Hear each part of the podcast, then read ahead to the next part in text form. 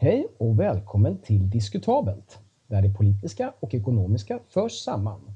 Jag heter Johan och i detta avsnitt intervjuas Ann-Marie Paulsson, universitetslektor vid Nationalekonomiska institutionen på Lunds universitet, om det svenska skolsystemet. Intervjuaren är Jonas Lundstedt, doktorand på Lunds universitet.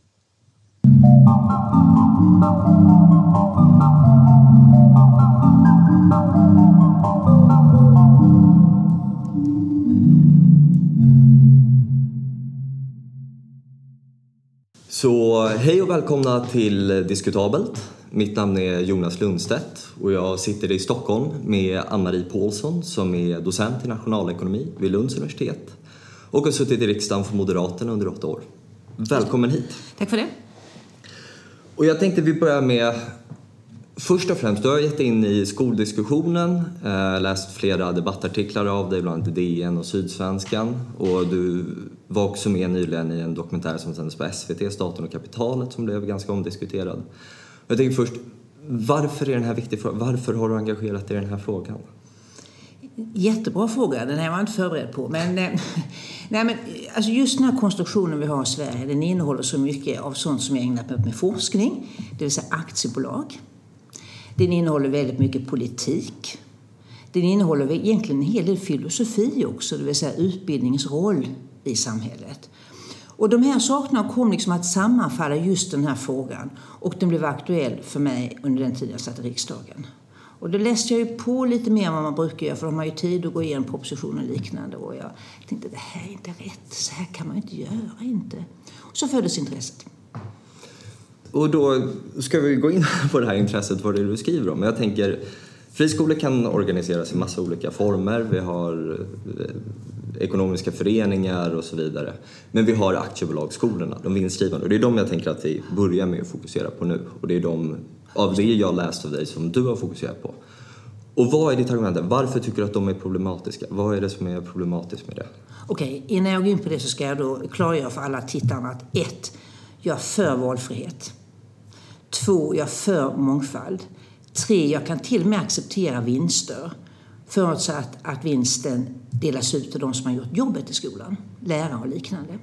Så det är min utgångspunkt. Men jag är alltså en benhård motståndare mot den här idén med att vi ska ha aktiebolag och då särskilt publika aktiebolag. Det finns ju två former, privata och publika. De privata har ett begränsat ägande och har lite annorlunda regler i aktiebolagslagen. De publika har ett spritt ägande, så låt oss då koncentrera uppmärksamheten på de publika aktiebolagen. Och då har jag liksom kommit att liksom borra lite grann frågan vad ett aktiebolag är för någonting. Och en aktiebolag är för det första en kapitalassociation som man säger med ett fint uttryck. Det är alltså det är en, en organisation där man då har, som bygger på ett kapital som har tillförts den här organisationen alltså inte människor utan det är kapitalet. Hela lagen vi har, aktiebolagslagen, går ut på en enda sak och det är att skydda kapitalet. Vilket man ofta glömmer bort. Så att vinst, vinstkravet som finns i aktiebolagslagen uttryckligen i en paragraf syftar till att skydda kapitalet eller ytterst kapitalägarna. I aktiebolagslagen finns ytterligare en klausul som man också glömmer bort och det är lojalitetsplikten. Ledningen ska vara lojal mot kapitalet. Det vill säga en VD som säger att nu ska vi tänka på de utrotningshotade grodorna gör fel och kan bestämda vägarna. En VD som säger att det är bättre att vi tänker på barn som har det svårt för sig i skolan än aktiebolags, en, en bolags vinster kan också råka illa ut. Därför att en VDs uppgift är inte att tänka på någonting annat än kapitalets ägare. Det är jätteviktigt. Och det här följer då dels av att aktiebolaget har just den här formen av kapitalassociation. Men den andra och ganska unika egenskapen hos ett aktiebolag det är att det finns en tydlig separation mellan ägande och kontroll. Ägarna tillskjuter kapital. Kontrollen över bolaget har delegerats till en ledning. Ägarna har alltså i princip och i praktiken inga som helst möjligheter att påverka skötseln av bolaget. Så hur ska du då våga köpa aktier i ett bolag om du inte kan påverka det? Vem skulle göra detta om det inte fanns skydd för det kapital man tillskjuter? Och det är skenet av detta man ska se vinstkravet och lojalitetsplikten. Hade inte de funnits hade aktiebolaget inte överlevt länge som bolagsform. Så den här lagen då, aktiebolagslagen, skyddar ägarna och ser till att vi kan ha aktiebolag, liksom att de existerar. Och det, om jag förstår det rätt, gör att de, måste gå, de ska maximera sin vinst ja. enligt svensk lag. Ja. ja, inte bara en svensk, utan så ser aktiebolagslagen ut i alla länder de har ett aktiebolag. För annars skulle inte aktiebolaget kunna fungera överhuvudtaget. Men varför blir det här problematiskt i skolsektorn? Jo, därför att nu kommer två intressen att ställas mot varandra. Ledningen har för uppgift att maximera vinsten till ägarna och kommer då att välja sådana produktionstekniker som är lönsamma och kommer att vända sig till de kunder som är lönsamma. Det lär ni er i nationalekonomi om marknad, utbud och efterfrågan. Alltså olönsamma kunder är ointressanta för företag. Så att vinstkravet gör att ledningen tvingas att ägna sig åt de lönsamma segmenten. Mm. Vad händer då på en, en välfärdsmarknad? Vi kan ta skolan. Om det är de lönsamma segmenten som en ledning av lagen har en plikt och en skyldighet att exploatera. Vilka är de lönsamma eleverna? är min fråga. Och ditt svar till det är? Mitt svar är alltså som erfaren med pedagogiskt arbete hela mitt liv att de lönsamma eleverna är eleverna som är motiverade och smarta. För de behöver man egentligen inte göra ett dugg med. Det räcker att man talar om för dem de ska läsa i september månad, att de kan komma tillbaka i december och tentera av det. Så gör de det och har lysande betyg. Det krävs ingenting. Men däremot elever som har lite si så med motivationen och som har lite svårt att lära sig olika saker. De eleverna får man lägga ner ganska mycket resurser för att man ska kunna få dem över en godkänd nivå. Så att vore jag VD för, ett bo, för en skola så skulle jag förstås se till så att mina elever företrädesvis vore studiemotiverade och smarta. För då kan vinsten bli större. Och det kanske du säger, ja men om vi då har studiemotiverade och smarta unga då kan vi ju, lägga, kan ju utveckla undervisningen så att allihopa är små professorer när de tar studenten. Eller hur? Mm, mm. Mm. Varför ska man göra det? Om det inte ökar vinsten för ägarna. Ja, också man har inget incitament Nej. att gå längre än vad man behöver Nej. för att Nej. man ska öka vinsten. Och det här blir då ännu tydligare genom att du har liksom ingen ordentlig uppföljning på vad skolan egentligen har gjort.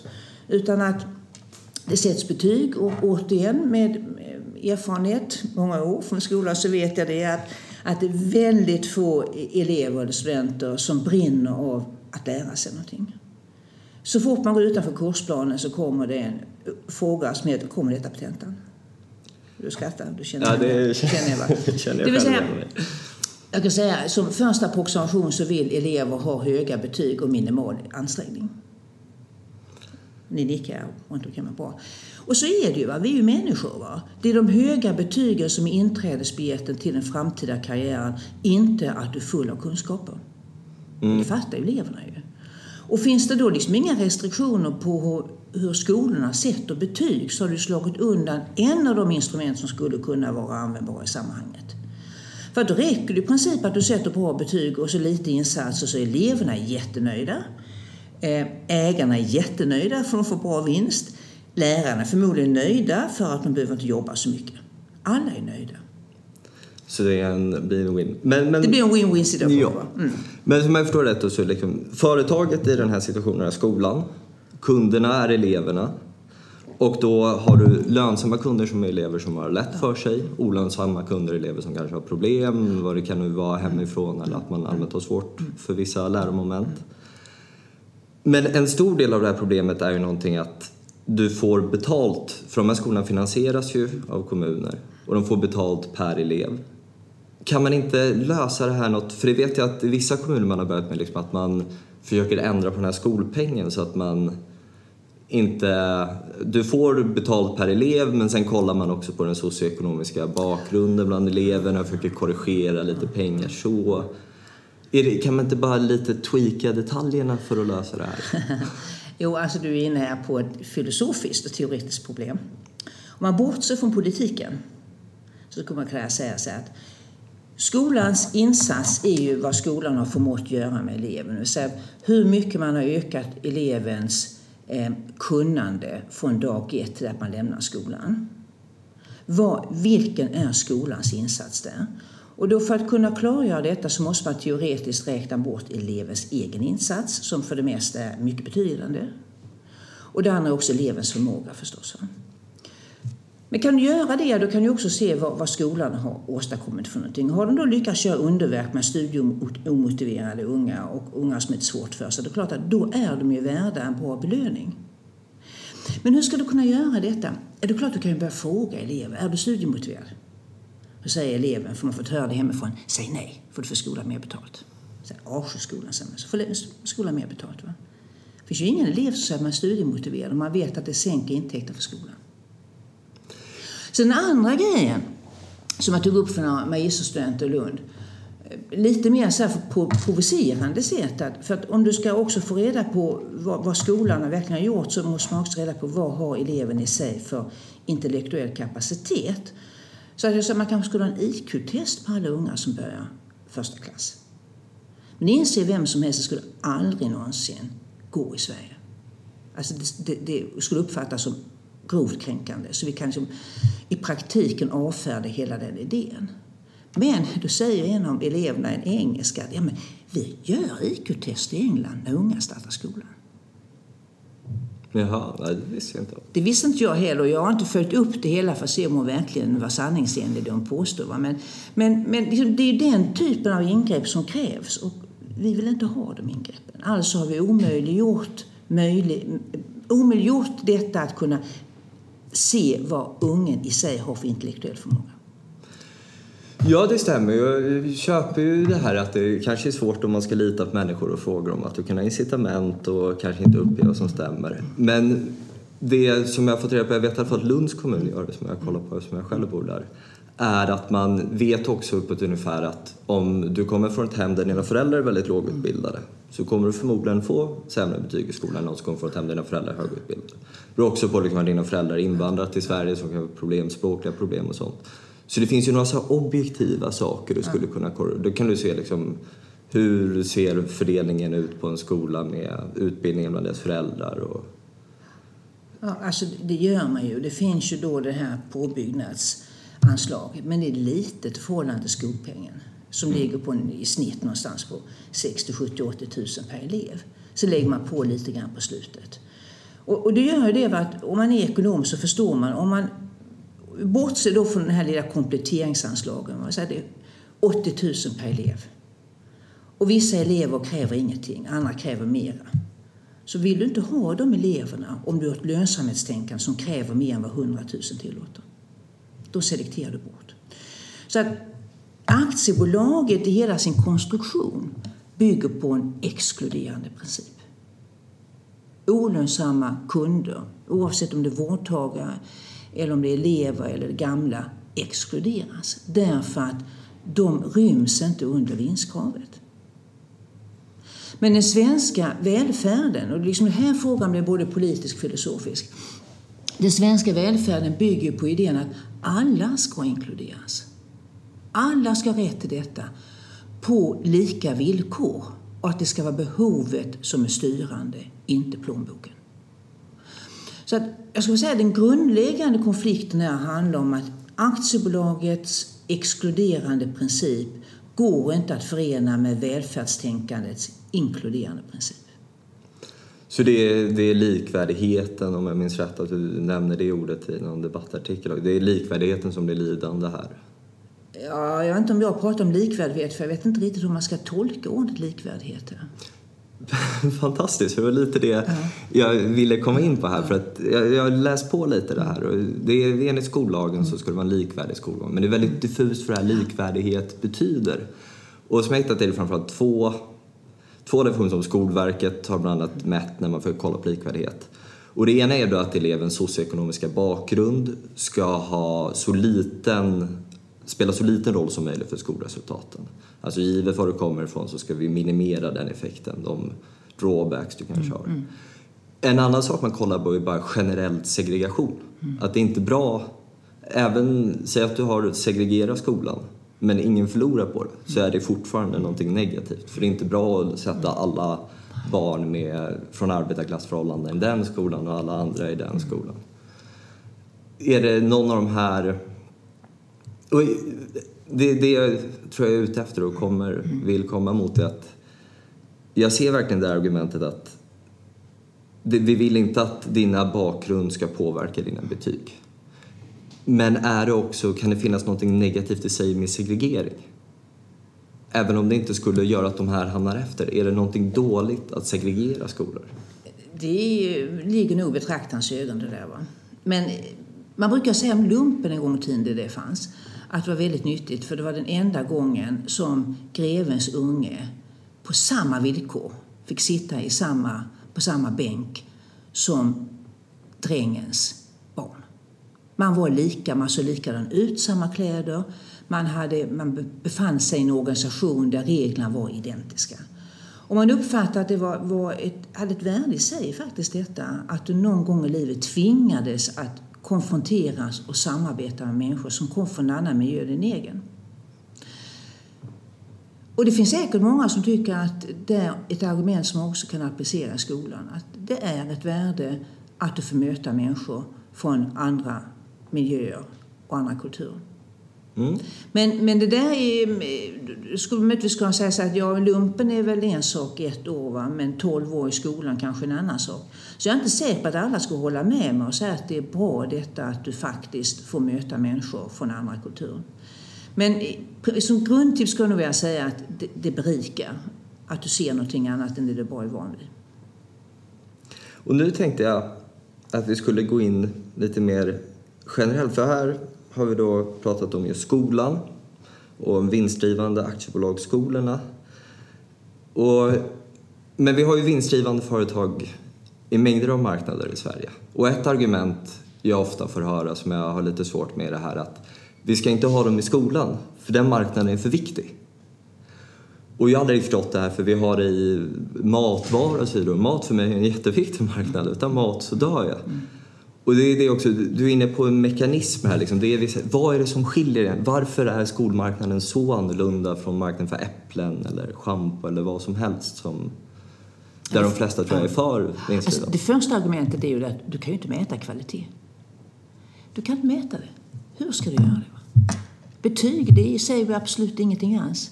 Hur mäter du kvalitet i en verksamhet där det är eleven, kunden själv, som gör 99% av jobbet? Det är kundens insats, eller elevens insats, som vi ser. Sällan lärarens. Även om läraren till och från kan göra det med att uppmuntra intresse och liknande. Men för det mesta är det faktiskt eleven som gör jobbet. Hur mäter vi då kvaliteten? Så det är omöjligt. Så alla som försöker, både på det ena och det andra, är eleverna nöjda? Ja, det är klart att de är nöjda och får bra betyg och inte behöver arbeta. Föräldrarna är nöjda? Ja, de är jättenöjda om deras barn får höga betyg. Läraren är nöjda, ja, lärarna är jättenöjda om ungarna inte är stökiga och att de slipper jobba. Alla är jättenöjda.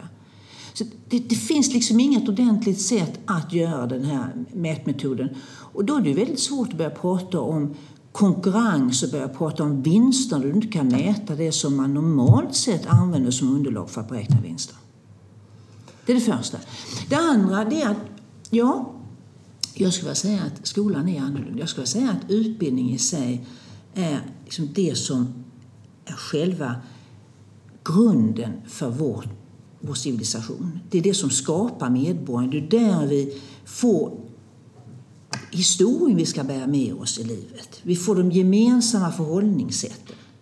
En gång i tiden var det Luthers katekes som vi skulle förhålla oss till.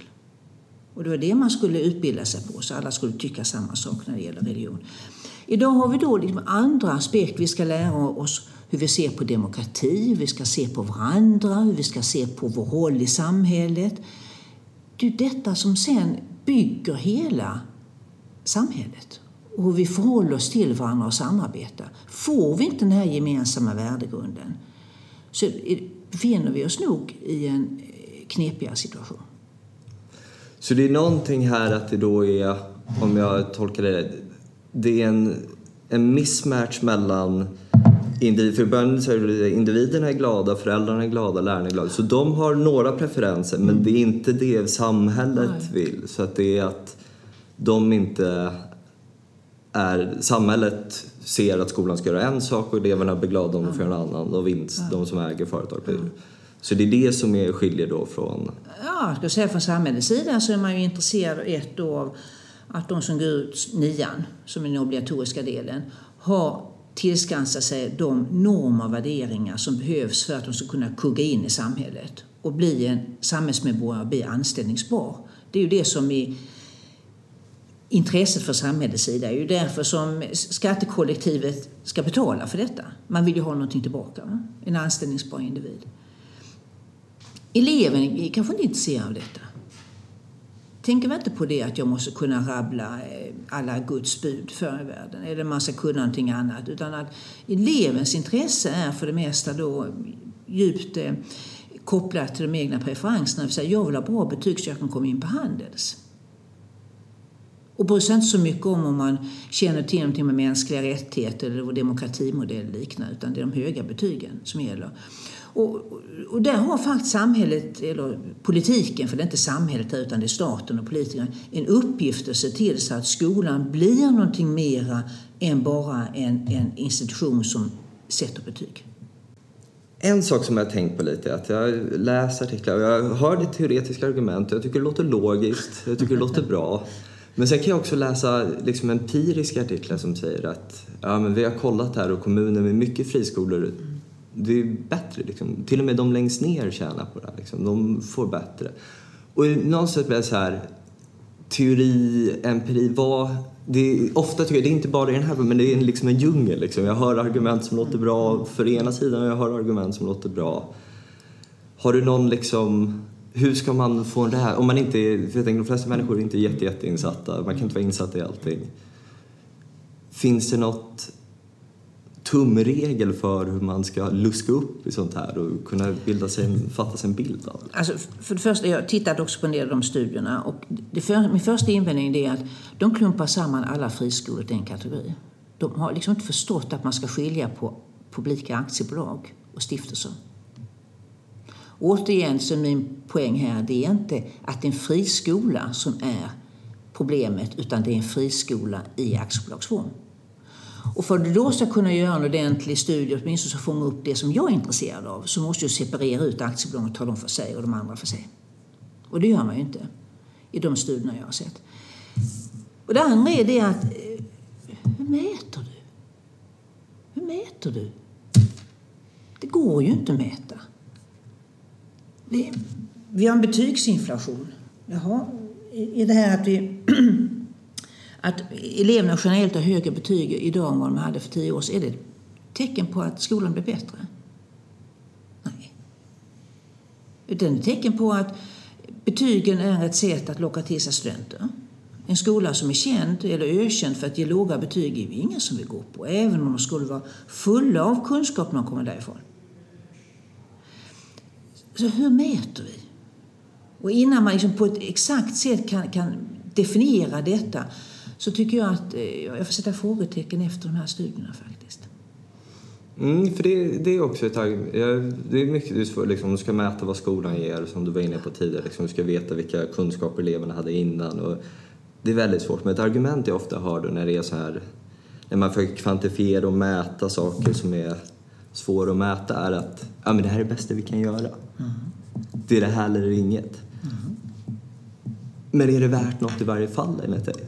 Är, det ett bra argument att det här är det bästa vi kan Eller ska vi bara då liksom lyssna på teorin och försöka resonera oss fram till Nej, men det beror på lite grann vad man säger här. Va? Det, eh, alltså, det finns väl inte generellt svar på din fråga. Ibland kan man säga ja, det är det bästa vi kan göra, det säger jag till studenterna. Liksom, som första approximation så funkar detta. Eh, men det är klart att, att eh, det beror på. Är det några väldigt centrala frågor så får man ju vara lite noggrannare kanske och gå igenom det hela och framförallt flagga upp för var svagheterna ligger någonstans. Sen finns det ytterligare en annan komponent och det är att det vi ser nu det är egentligen bara början på en process. Därför att vi fick ju friskolereformen 1992 tror jag det var. Och i den propositionen som då lämnades till riksdagen var för övrigt extremt kort, den kan ha varit mycket mer än 10-15 sidor. Och där fanns ju ingenting om att vi skulle få skolor som börsnoterades. Alltså, det, det fanns inte på kartan. Utan hela tanken var ju då att man skulle få en, en mångfald, du skulle få valfrihet, föräldrar skulle engageras, eleverna skulle engageras, andra pedagogik än de som fanns existerande skulle vara tillåtna. Så det, det var liksom bara skulle jag säga, eh, väldigt bra argument som fördes fram. Sen så småningom så kom ju det här att rulla på. Va? Friskolorna fick mer betalt för eleverna. Från början fick de lite mindre betalt än kommunala skolorna. Sen skulle man då ha exakt likhet mellan kommunala skolor och friskolor. kom lite senare. Jag tror det var faktiskt under Göran Perssons tid. Sen någonstans under resans gång så uppfatt, upptäckte entreprenörer att här har vi någonting. Va? Och så kör man igång då på ett ganska eh, kan säga, ambitiöst sätt. Och den utveckling vi har sett är ju det att de här publika aktiebolagen, stora aktiebolagen, har ju börjat köpa upp andra skolor och öka sina marknadsandelar helt i företagens logik. Så gör, det är så man gör. Ja. Man börsnoteras, vi har både Internationella Engelska Skolan och Academedia börsnoterade med sammanlagda börsvärden på upp mot 10 miljarder. Det fanns ju inte på kartan. Och säga att detta håller på 15 år. Vi befinner oss i början av en process. För ska man verkligen få eh, svar på vad detta leder till så får man nog vänta ytterligare en 15-20 år. För det tar ju trots allt lite tid innan, innan de här bolagen har formerat eh, sin verksamhet. Ja, nej, för där tänkte jag också, för det var en av svaren jag läste Pat. Jag tror det var Peje Emilsson, jag ska dubbelkolla det efteråt, men som är grundare av Kunskapsskolan som just nämnde det här att aktiebolagsskolorna, det är ju det, det är de som är duktiga. Liksom. Det är ju de som är den största delen av friskolorna och det är ju de som sprider sig. Och, men tror du att det är någon Tror att det finns en risk att de sprider sig på bekostnad av de andra skolformerna? Eller är det om vi tar bort dem så kommer det vara väldigt få friskolor generellt i Sverige? Jag tror att de just genom den väldigt starka logiken som styr dem kommer att växa ännu mer. Och här har vi också en win-win situation. För att det här är också någonting som, som man glömmer bort i debatten. När man tittar på värden på skolan, man tittar på logiken. Säg att du är en, en enskild lärare som kommer på att du ska starta en skola. Så gör du det och sen så är du relativt framgångsrik i detta. Va? Du kan eh, sluta upp med att ha en skola för tusen elever kanske. Eller så. Och att du stadigvarande har kunnat eh, generera en vinst på låt säga 15 miljoner om året. Du bara räkna ut vad det gör per elev. Så tänker du, ja nu börjar jag närma pensionen och jag vill nog sluta med detta.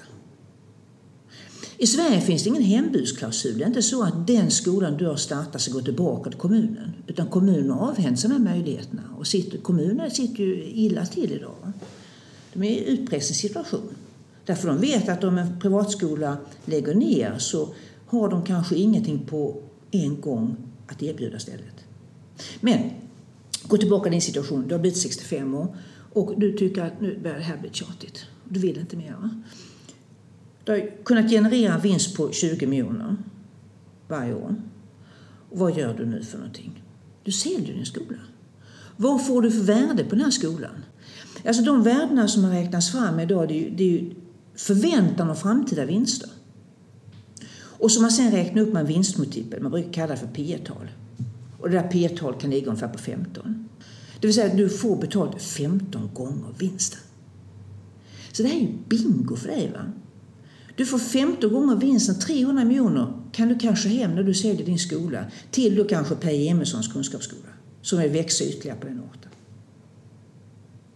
Och så sitter Per Emilsson då, sin skola kanske lånar 300 miljoner för att kunna växa. Och de 300 miljoner kronorna det är bara liksom ett, ett värde för, bygger på förväntan om framtida vinster. Det är ju inget, inget operativt kapital, någon skola eller liknande.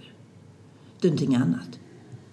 Men det kan man betala så länge man tror att vinstnivån är uthållig. Så du, du sitter där med din skola, lilla skola, du har haft en ny pedagogik, du har lärarna älskat dig föräldrarnas elever, eller föräldrar, elevernas föräldrar har älskat dig för att du varit så duktig. Va? Och du kan casha hem på det här sättet. Vem tänkte på detta en gång i tiden?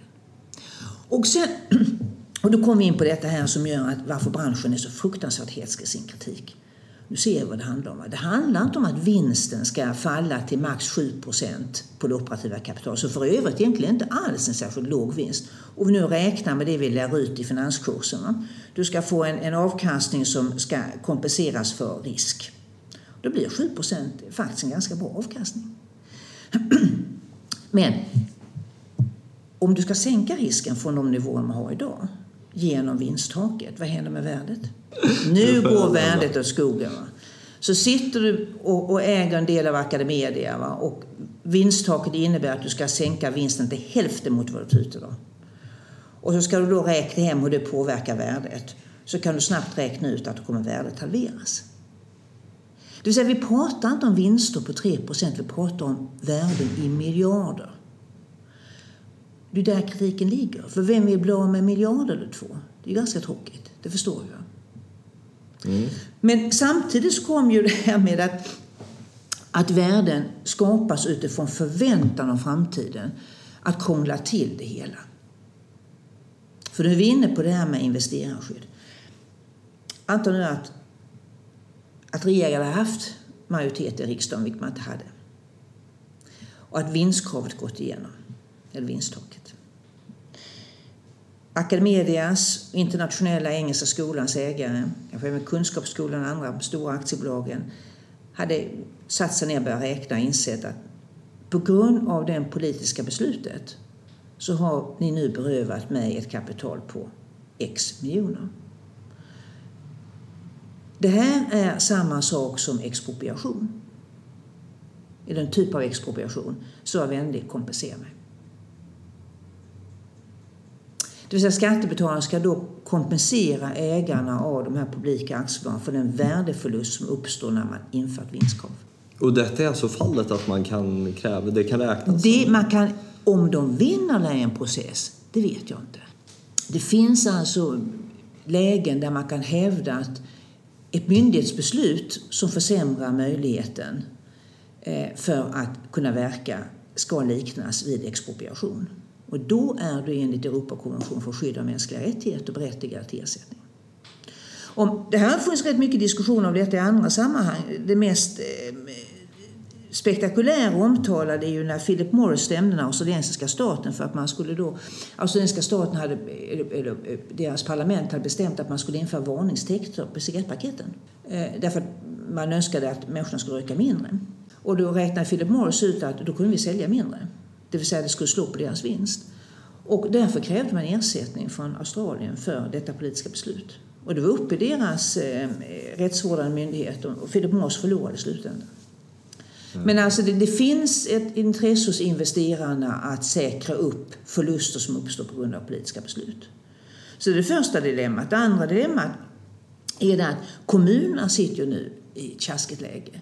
För skulle de här stora skolorna säga att vi lägger ner om det blir vinsttak, vad ska kommunerna göra? De, de har inga möjligheter att erbjuda skola sådär rakt av. Det skulle bli ett enormt kaos. Så det är också det, kommunerna de är ju ansvariga för att kunna erbjuda alla ja. barn en skolplats. Det friskolorna inte har inget ansvar. Nej. Så att det är en maktförskjutning. Ah, okay. Och går en friskola i konkurs, vilket hände med John Bauer, så, det väl var, så har eh, friskolan eh, ingen som helst skyldighet att ordna ersättningsundervisning. Utan eh, kostnaden för detta lämpas över kommunen på en gång. Nu har vi pratat framförallt om aktiebolagsskolor och vinstdrivande skolor. Men som vi var inne på i början, friskolor kan drivas i många olika former. Vi har ekonomiska föreningar, vi har handelsbolag, vi har stiftelser och så vidare. Ser du något problem med de här som inte driver sin verksamhet för vinst? Det finns förmodligen problem i alla, i alla skolformer, i alla associationsformer finns det. Men, men jag tror att de problemen är mycket mindre. Och det är bra att du nämner detta därför att det ger mig en chans att också komma in på en av mina favoritargument. och det är det att det finns inget land i världen som har den svenska modellen. Så när de som skyddar och försvarar det befintliga systemet gör detta så måste motfrågan till dem vara varför ska Sverige vara unikt? Varför är det inget land som följt Sverige? I Chile hade man friskolor som fick bedrivas i aktiebolagsform och som finansieras av staten. Ganska nyligen så eh, kom det regler om att de skulle ombildas och de flesta ombildades utan någon som helst problem. Nu hade väl förmodligen inte gått så långt i Chile som i Sverige. För det är klart, ombilda Academedia till en stiftelse, det går ju inte. För alla de som satt in pengar i Academedia skulle bli av med sitt kapital. Så det, det, det går ju inte. Men alltså, knäckfrågan är, vad är det som gör Sverige så unikt i det här sammanhanget? Vad är det som gör att, att kooperativ, stiftelser och ekonomiska föreningar fungerar i andra länder men inte här? Vad är det som gör att i alla andra länder har man infört vinsttak? För kollade jag faktiskt med riksdagen när jag satt där. Riksdagens utredningstjänst gjorde en, en analys åt mig hur det såg ut i andra länder. Det fanns inget land som tillät obegränsade vinster inom EU. Inte ett enda land. Så vad är det som gör Sverige så speciellt? Och frågan är, det finns inget som gör Sverige speciellt annat än att vi var så omedvetna om vad det här kunde bära hän med den slafsiga lagstiftningen man drev igenom. Hade man på en gång när man eh, införde friskolorna satt en restriktion och sagt att friskolor får bedrivas de här associationsformerna, punkt. Så hade vi inte haft problemet idag. Ja, men, men jag tänker då, eh, säg nu att vi rör oss mot en värld där, där vi inte har de här aktiebolagsformerna ja. utan vi har de här andra associationerna. Kan man inte kan inte lite så givet att man fortfarande har det fria skolvalet, att vi får välja och skolpengen som följer elever. Kan inte lite samma problem uppstå även där, även om vi inte har vinstintresset? För jag tänker de stiftelser som öppnar, visst att de inte vill göra någon vinst, men de vill gärna fortsätta driva sin skola och har lärare där, liksom deras arbeten hänger på det här. Och jag har läst en hel del forskning eh, från USA framförallt som kollar på vad är det som avgör vilken skola man väljer. Och där verkar det vara att för att det här konkurrens ska funka bra och man flyttar elever till bra skolor så måste ju föräldrarna som oftast väljer när det är små barn eller barnen själva veta att det är en bra skola man ger sig till. Men det är väldigt svårt. Det är något som forskarna har svårt att räkna ut och kanske ännu svårare som förälder.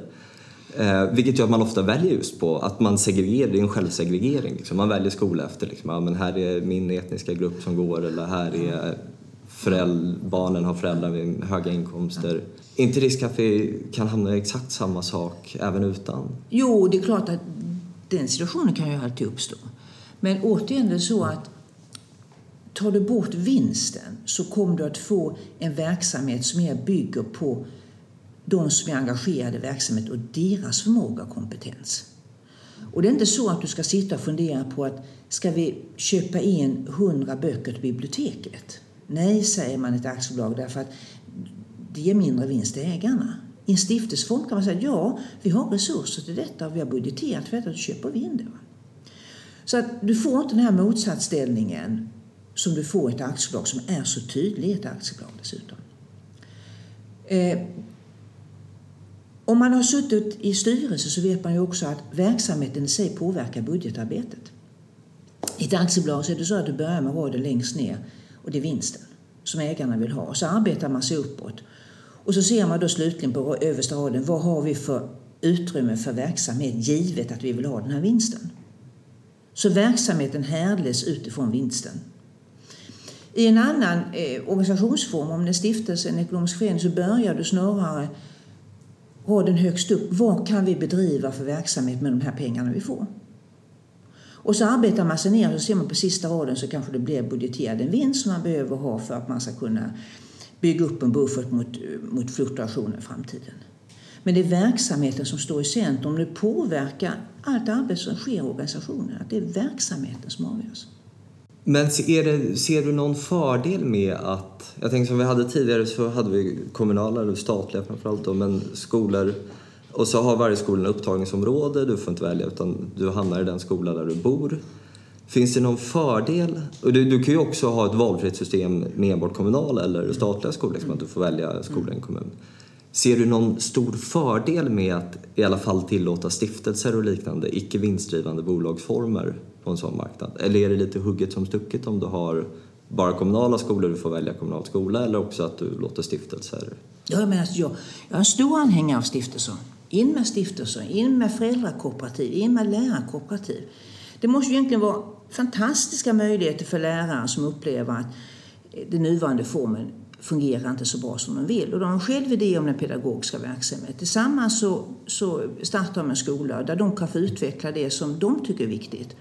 Och att gör de sen saker och ting av bra på överskott så kan de själv ta detta som en form av en högre lön och en belöning för det de gör. Det är väl underbart om de kan bli på det viset och få den vitaliseringen.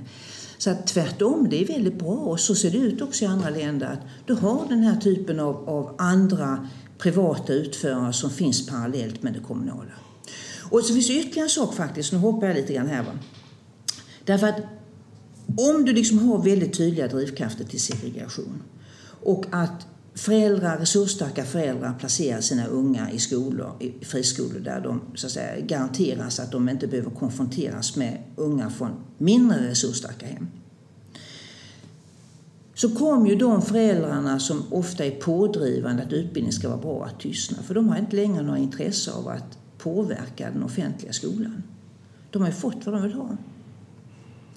Så att risken är ju stor i sådana här system att den offentliga skolan kommer bara att bli sämre och sämre. Den andra konsekvensen till varför risken är väldigt stor att så också kommer att ske, det är att den offentliga skolan kommer då att få bli den utförare som ska ta hand om de elever som har svårt för sig.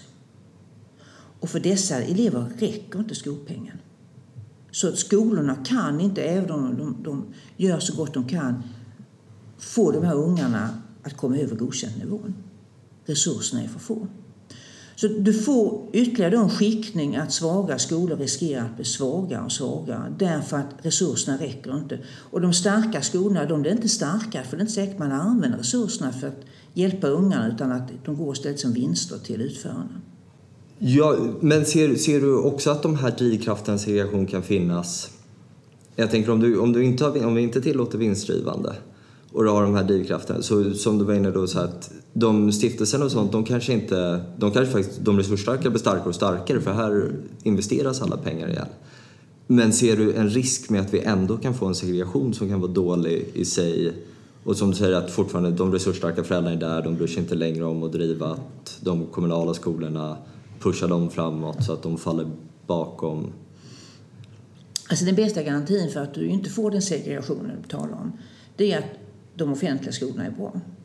Därför att då har ju föräldrar inte samma incitament. När den offentliga skolan försämras kraftfullt så föräldrarna kräver någonting annat.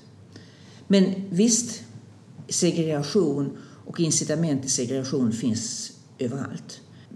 Frågan är liksom vilken slags segregation är problematisk. Det finns, eh, vad jag kan erinra mig, en katolsk skola nere i Skåne, Malmö som eh, lockar till sig barn från föräldrar som eh, är katoliker. Då kan man säga att det blir en kraftfull segregation för det blir bara viss religiös tillhörighet som går i skolan. Är det ett problem? Nej, inte säkert. Det, det, alltså, vilken segregation är du ute efter? Är det, ute efter när det är segregation bara efter föräldrarnas plånbok? Ja, alltså, kan vara problematiskt. men segregation det finns ju annat, skola, ja, ja, det finns det ju annat inte som inte behöver vara lika problematiskt. Och sen tänkte jag också på det här som du var inne på med att, och det har jag också, jag läste en rapport från SKL som eh, kollade på kommuner och just det här med att de måste erbjuda platser till alla elever. Och tidigare, enligt den här rapporten, jag kan nämna den i slutet, exakt vad den heter, eh, så använde kommunen liksom befolkningsprognoser innan friskolereformen. Och de var långsiktiga och det var ganska lätt att eh, predikta hur många platser som behövdes. Mm. Med friskolornas intåg så började det här bli väldigt mycket mer volatilt. Mm. För friskolor öppnar upp, de inte, även om de blivit godkända och öppna upp visste man inte om de skulle öppna upp. De kan lägga ner. Och det värsta kommunerna sa liksom, det värsta som kan hända är att en stor friskola lägger ner. Mm. För då ligger vi riktigt illa till. Finns inte den problematiken också kvar med Alltså även utan vinstdrivande. Att jo, det är en ojämn spelmarknad. Jo, men det är klart. Men, men återigen det att alltså om du har en stiftelse har du ett stiftelsekapital. Och din verksamhet är ju för mesta långsiktig. De främsta amerikanska universiteten mig vetligen bedrivs i stiftelseform. Du har liksom en planerad långt framåt. Det är inte så att du sätter en stiftelse i konkurs. Du kan inte göra det heller. Rent generellt så är nog min tro att just den här ryckigheten är mycket mindre när du har associationsformer som är mer långsiktiga till sin karaktär. Eh, men det är klart att eh, tar vi ett föräldrakooperativ, ett lärarkooperativ så kan de förstås tröttna. Men det är ju sällan frågan om eh, alltså tusentals elever. Dessutom så kan man faktiskt lösa det här på ett annat sätt. Man kan införa en hembudsklausul. Du säger du får starta en friskola och du får driva den så länge du lust. Men när du slutar då ska skolan återgå till kommunen utan vederlag. Och det är en ganska listig lösning för det innebär det att kommunen hamnar inte i den här utpressningssituationen. Kommunen behöver inte sitta och bli orolig för att en stor skola ska lägga ner för gör den det så gör kommunen tar hand om det. Och ska inte betala någonting för det. Utöver möjligtvis som möbler och liknande och inredning men ingenting annat. Så då undanröjer det problemet. Men det här kommer naturligtvis att mötas av ett ramaskri från branschen. Och du förstår säkert varför. För har vi en hembudsklausul så slår det undan benen för den här möjligheten att göra skolan till en handelsvara. Därför det finns inte längre några framtida vinster som du kan casha hem när du säljer. Men, men jag tror ändå att en hembudsklausul vore faktiskt till, till en stor fördel. Då, därför det påverkar ju inte möjligheten att verka. Det påverkar inte möjligheten till vinst om man skulle vilja göra det, åtminstone en anständig vinst. Men det ger kommunerna en ordentlig möjlighet att stå emot skolorna och att inte behöva bli utsatt för den utpressning som man är idag. Och då tänkte jag att vi ska röra oss vidare till den sista punkten. Och eh, som är väldigt intressant med dig just eftersom du har suttit i riksdagen så du har kunskaper om politik och så vidare. Vilket många kanske akademiker saknar. Eh, men vi har läst en debattartikel du skrev tillsammans med bland annat Suonen som rubriken var, jag vet jag i och för sig inte om det är ni som sätter, men det här är ingen höger-vänster-fråga. Mm. Men i realpolitiken är min uppfattning i alla fall att det blivit en höger-vänster-fråga. Vänsterpartiet är bort med vinster, Socialdemokraterna har i alla fall ett vinsttak. Eh, alliansen, vi ska inte ha något vinsttak. Tror du att ditt synsätt, eller varför tror du att det här har blivit en sån tydlig höger-vänster-fråga? Och tror du att ditt synsätt kan få fäste inom Moderaterna till exempel? Alltså, nu är det så att, vad jag kan förstå i alla fall, att de borgerliga sympatisörerna är ju starkt motståndare till vinsten. Och när jag pratar om detta med goda vänner då får jag väl erkänna att de flesta av mina kompisar har nog borgerliga sympatier. Så jag har fortfarande inte träffat på en enda som sagt att det är jättebra med vinster. Inte en enda. Alla har varit helt överens med mig att detta är fullständigt knäppt. Så slutsatsen är ju det att de borgerliga partierna går inte i takt med sina väljare. Men det gör väl bara ännu märkligare? Det gör det ännu märkligare. Och då så blir frågan, varför säger då eh, de borgerliga partierna på det här sättet? Och då tror jag att det hänger samman med två saker. För det första så har eh, friskoleföretagarnas representanter lobbat extremt. Du ska veta det att, att en hel del av de politiska besluten som fattas är ju inte liksom sådana så att man går ut och frågar vad väljarna tycker utan att man då har tagit emot information från branscher, intressegrupper och liknande. Och ehm, eh, jag såg någon siffra på, på vad branschen lagt ut för att lobba för detta. Det är enorma belopp som man har tagit politikerna under sina vingars beskydd, jag säga, men man har då man har då fyllt dem med information över det nuvarande systemets förträfflighet. Och som jag sa tidigare, det handlar om miljarder. Så det är klart att företrädarna för skolorna är mycket angelägna om att ingenting görs med vinsten. Det första argumentet. Det andra argumentet är att de har säkerligen, eller de, du säger då Eh, politikerna i riksdagen som bestämmer över detta, har säkerligen uppvaktats av de enskilda kommunerna. Som sagt att det kommer att bli kaos hos oss om ni inför vinsttaket. Vi har ingen beredskap att ta emot 2000 elever som blir utan skola.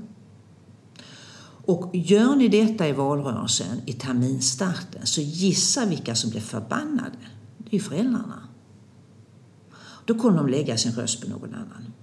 Och kommuner har ju förstås utan hembudsklausul, de har ju anledning att frukta detta för de inser att det här, det här är ett rejält hot som då branschen har spelat ut.